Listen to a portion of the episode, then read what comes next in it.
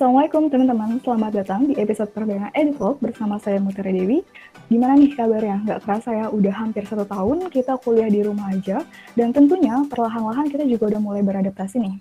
Yang tadinya kuliah move dari satu ruang kelas ke kelas lain, sekarang move dari satu ruang Zoom ke Zoom lain. Yang tadinya rapat berebut tempat di Korpin atau Tampomas, sekarang beralih jadi duduk stay di kamar. Nah, dalam keadaan yang seperti ini, kita tetap dituntut untuk cepat beradaptasi. Oleh karena itu, pada kesempatan kali ini, kita akan membahas tema yang cukup relate dengan kehidupan mahasiswa dan juga cukup sering dipertanyakan nih, yaitu how to balancing academic achievement and organization life. Nah, di sini kita udah punya narasumber yang required untuk menjawab pertanyaan dari teman-teman yang udah masuk di IG BMKM nih.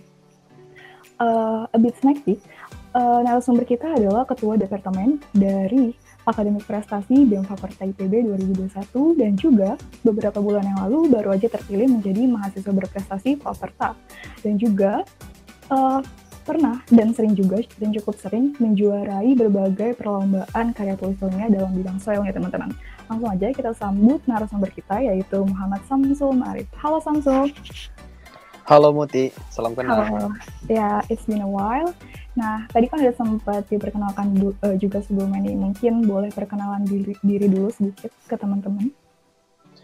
Oke, halo teman-teman semua. Perkenalkan nama aku Muhammad Samsul Marif, akrabnya dipanggil Samsul. Alhamdulillah, betul kata Muti tadi ya.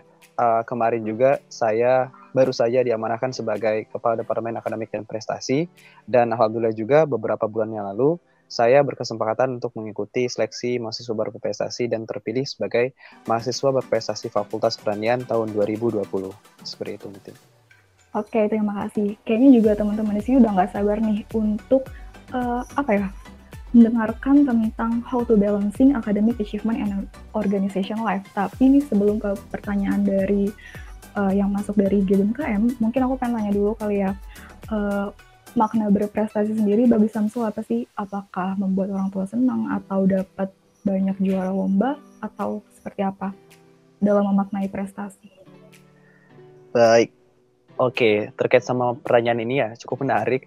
Bagi saya pribadi makna dari berprestasi adalah yang pertama itu adalah bisa menghasilkan karya atau bisa membuat suatu hal yang lebih baik daripada hari sebelumnya itu hmm. merupakan suatu prestasi yang arti makna prestasi ya bagi menurut saya. Jadi uh, prestasi itu bukan semata-mata menghasilkan suatu ya uh, menjuari perlombaan dan sebagainya. Itu hmm. apa namanya hanya bonus saja sebetulnya. Yang terpenting adalah untuk diri kita pribadi adalah bagaimana proses kita menjadi ke arah yang lebih baik. Seperti itu. Itulah tentu prestasi. Oke, jadi intinya lebih ke berproses ya, So. Yap, betul hmm. sekali. Itu kan tadi dalam internal nih, tapi kalau misalkan untuk eksternalnya sendiri, itu berprestasi yang seperti apa? Baik, kalau misalnya dalam hal eksternal ya, hmm. sebetulnya dengan kita bersosialisasi atau kita bisa menjadi pribadi yang bisa lebih baik di lingkungan kita, bisa berimpact lebih luas lagi di lingkungan kita, bagaimana kita mengupayakan hasil-hasil karya kita supaya bermanfaat uh, kepada orang lain itu merupakan salah satu cara untuk kita apa namanya berprestasi untuk yang eksternal seperti itu. Itu menurut Oke okay. berarti uh, kuncinya di impact ya? Iya betul sekali. Oke okay, langsung aja nih masuk ke pertanyaan yang udah masuk. Uh, terkait dengan organisasi kali ya jadi uh, gimana sih caranya supaya bisa nih nentuin prioritas dan konsisten terhadap pilihan-pilihan yang udah kita buat? Karena kan biasanya mahasiswa banyak nih planning-planningnya namun akhirnya karena terlalu banyak planning uh, jadi susah untuk dijalankan. Jadi gimana caranya untuk menentukan prioritas dan juga konsisten? Oke terima kasih pertanyaannya yang masuk ke IGBM kami ya sebelumnya itu ya, Oke betul. untuk menjawab pertanyaan itu pertama-tama sebetulnya banyak sih uh, apa namanya framework-framework yang bisa digunakan untuk uh, bagaimana kita menentukan prioritas dan konsisten terhadap pilihan yang kita buat. Ya, kita kenal misalnya sebagai framework yang empat kuadran kayak penting dan mendesak dan lain sebagainya yang bisa kita lakukan uh, mungkin itu untuk satu pekan dan sebagainya kemudian ternyata nggak cukup dari itu teman-teman kalau misalnya untuk uh, intensity yang cukup sering kita bisa menambahkan ke bagian to do listnya di situ juga nah itu sebenarnya sih uh, sudah basic ya. Hanya saja hmm. kalau misalnya kita lihat kalau misal teman-teman punya pilihan yang banyak dan bagaimana untuk menentukan uh, apa namanya uh, pilihan yang mana nih yang aku pilih dan sebagainya. Nah, mungkin yang harus kita uh, apa namanya lihat adalah bagaimana kita men-setting goal yang emang itu menjadi purpose kita ke depannya. Kayak start by ending seperti itu. Jadi kayak apa sih akhiran yang pengen kita dapetin seperti itu. Dari situ eh, tahapan-tahapan apa sa saja sih yang bisa kita uh, lakukan atau milestone apa yang harus kita susun supaya kita bisa mencapai um, substansial dari akhir itu. Seperti hmm. itu mungkin. Oke, okay, menarik ya start by ending. Uh, yang ngomongin tentang time management nih, ada juga nih teman yang penasaran soul tentang keseharian di rumah tuh seperti apa. Mungkin boleh detail sedikit ya tentang Baik. ya. Tentang keseharian di rumah ya. Sebetulnya mm-hmm. saya pribadi karena waktu kuliah juga di Bogor ya dan di Bogor juga kemarin waktu pandemik ya. Uh, itu kan bertempat di asrama.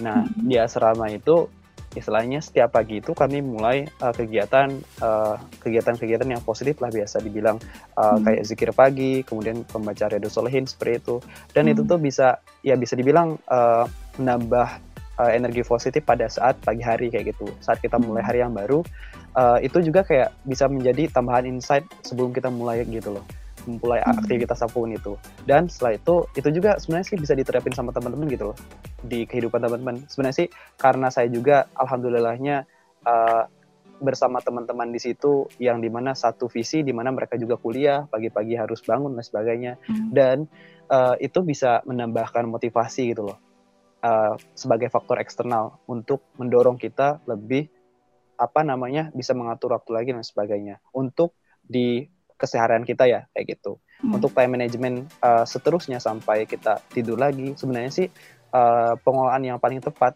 atau uh, bisa metode yang paling tepat untuk bisa mengatur ini uh, kita bisa membagi ke beberapa waktu uh, seperti sholat kita sebenarnya. Kalau misalnya hmm. kita apa namanya uh, memprioritaskan uh, untuk agama Islam ya. Uh, hmm. Ini bukan bukan berarti untuk yang agama non Muslim juga nggak boleh ya. Tapi sebenarnya hmm. sih ini hanya kayak patokan-patokan di mana kita harus uh, oh ternyata di sini uh, tempat kita buat uh, istirahat. Oh ternyata di sini uh, sampai sekian dan sebagainya. Itu hanya batas-batasan waktu. Ya dan ini bisa diganti sama ya patokan-patokan yang lain kayak gitu. Tapi karena ya saya di sini uh, apa namanya beragama Muslim, jadi saya apa namanya um, membuat framework yang mungkin bisa dikenal uh, lebih baik kayak gitu di uh, teman-teman di sini. Nah, jadi kalau misalnya untuk uh, pembagian waktunya sendiri, kalau misalnya kita bagi ke beberapa bagian yang mungkin bisa jadi uh, kewajiban kita, kita seperti itu, nah di situ kita bisa bagi ke hal-hal um, yang mungkin produktivitas kita sebelah mana yang paling berat dan sebagainya. Nanti di situ juga kita selingi dengan uh, rehat dan sebagainya. Nah, uh, kalau misalnya kita juga sebagai uh, mahasiswa kita kan nggak bisa lepas daripada kewajiban ya yang harus kita hmm. jalani uh, setiap uh, pagi sampai uh, bisa dibilang sampai sore kalau misalnya ada praktikum dan sebagainya. Namun ketika kita mengatur dan mengelolanya dan bisa apa namanya mematok uh, waktu kita sesuai dengan tupoksi dan uh, apa namanya yang tadi yang manajemen sholat itu, nah itu bisa hmm. menambah energi kita secara tidak langsung ya. Saya uh, pribadi yakin dan percaya bahwa ini bisa diterapkan dan uh, sepertinya bukan sepertinya sih lebih tepatnya uh, bisa berimpact secara uh, tidak langsung kepada kesehatan kita seperti itu untuk bisa lebih berenergi lagi kurang lebih kayak gitu. Oke menarik banget ya berarti kalau uh, tips manajemen time uh, manajemen waktu lah Samsul sendiri membagi waktu menjadi lima waktu sholat ya dan juga emang jadi morning person itu sangat berimpact ya untuk keseharian. Selanjutnya ada pertanyaan yang agak kalah menarik nih berkaitan masih berkaitan dengan waktu, kayak gimana sih tipsnya supaya jadi earlier person atau orang yang nggak deadlineers gitu, yang nggak nunggu tenggat waktu kalau misalkan ngumpulin tugas. Oke, ini sebenarnya bukan apa namanya, saya juga sebenarnya sih uh, belajar juga ya. Pasti teman-teman juga di sini terlepas dari itu, dari saya dan sebagainya, pasti pernah uh, berhadapan dengan yang namanya deadline. Dan emang uh, hal itu belum ya bisa dibilang um, belum sepenuhnya bisa dihindari seperti itu karena satu dan lain hal. Contoh karena kita sibuk organisasi kepanitiaan dan lain sebagainya. Sehingga kita memungkinkan oh ternyata tugas ini bisa kok misalnya dikerjain pada saat di akhir-akhir dan lain sebagainya. Nah namun bagaimana sih cara kita menjadi early person kayak gitu? Nah sebetulnya uh, hal yang bisa kita lakukan adalah bagaimana kita memulai hari kita dengan tiga hal yang produktif. Kalau misalnya pribadi ya karena dulu hmm. tuh uh, pernah uh, mengadakan suatu proyek seperti itu karena waktu hmm. dulu tuh kayak belajar desain dan sebagainya saya pribadi jujur uh, apa namanya setiap kali um, membuat desain dan sebagainya itu sering saya lakukan pada pagi hari karena saya merasa di awal pagi itu uh, itu adalah waktu terbaik saya untuk mencerna hal-hal yang bisa dibilang hal-hal yang baru itu hmm. kemudian melakukan apa yang menjadi um, interest pada diri saya waktu itu dan apa namanya waktu hal yang sama yang apa namanya bisa dibilang pagi-pagi um, seperti itu kita juga bisa apa namanya mengejarkan seperti tugas dan sebagainya karena itu kan bisa dibilang uh, matkul juga kalau misalnya uh, kuliah bisa dimulai pada saat jam 8 dan sebagainya kayak gitu. Jadi kita bisa memanfaatkan waktu-waktu yang mungkin uh, apa namanya senggang ini buat hal-hal yang produktif seperti itu. Oke, okay, gitu. berarti kuncinya di pagi hari ya. Oke. Okay uh, lanjut nih, uh, karena kita sebentar lagi mau mulai perkuliahan juga, ada gak sih tips tertentu nih yang gak boleh dilewatin selama periode belajar daring gitu? Kadang-kadang kan belajar daring kan seharian di depan laptop, ngantuk dan sebagainya. Nah dari Samsul sendiri ada gak sih tipsnya? Baik, terima kasih pertanyaannya. Pertama-tama terkait dengan ini ya, tips uh, kuliah daring ya, dan tidak boleh hmm. terlewatkan gimana?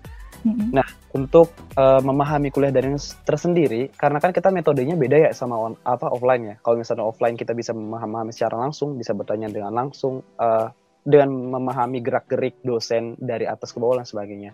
Kalau misalnya kita kan online seperti ini ya mau nggak mau, eh, kalau misalnya dosennya off cam seperti itu, pasti kita hanya mau apa ya istilahnya, hanya uh, tahu uh, di slide dan sebagainya tanpa ada apa namanya contoh perhitungan dan sebagainya. Kadang-kadang seperti itu.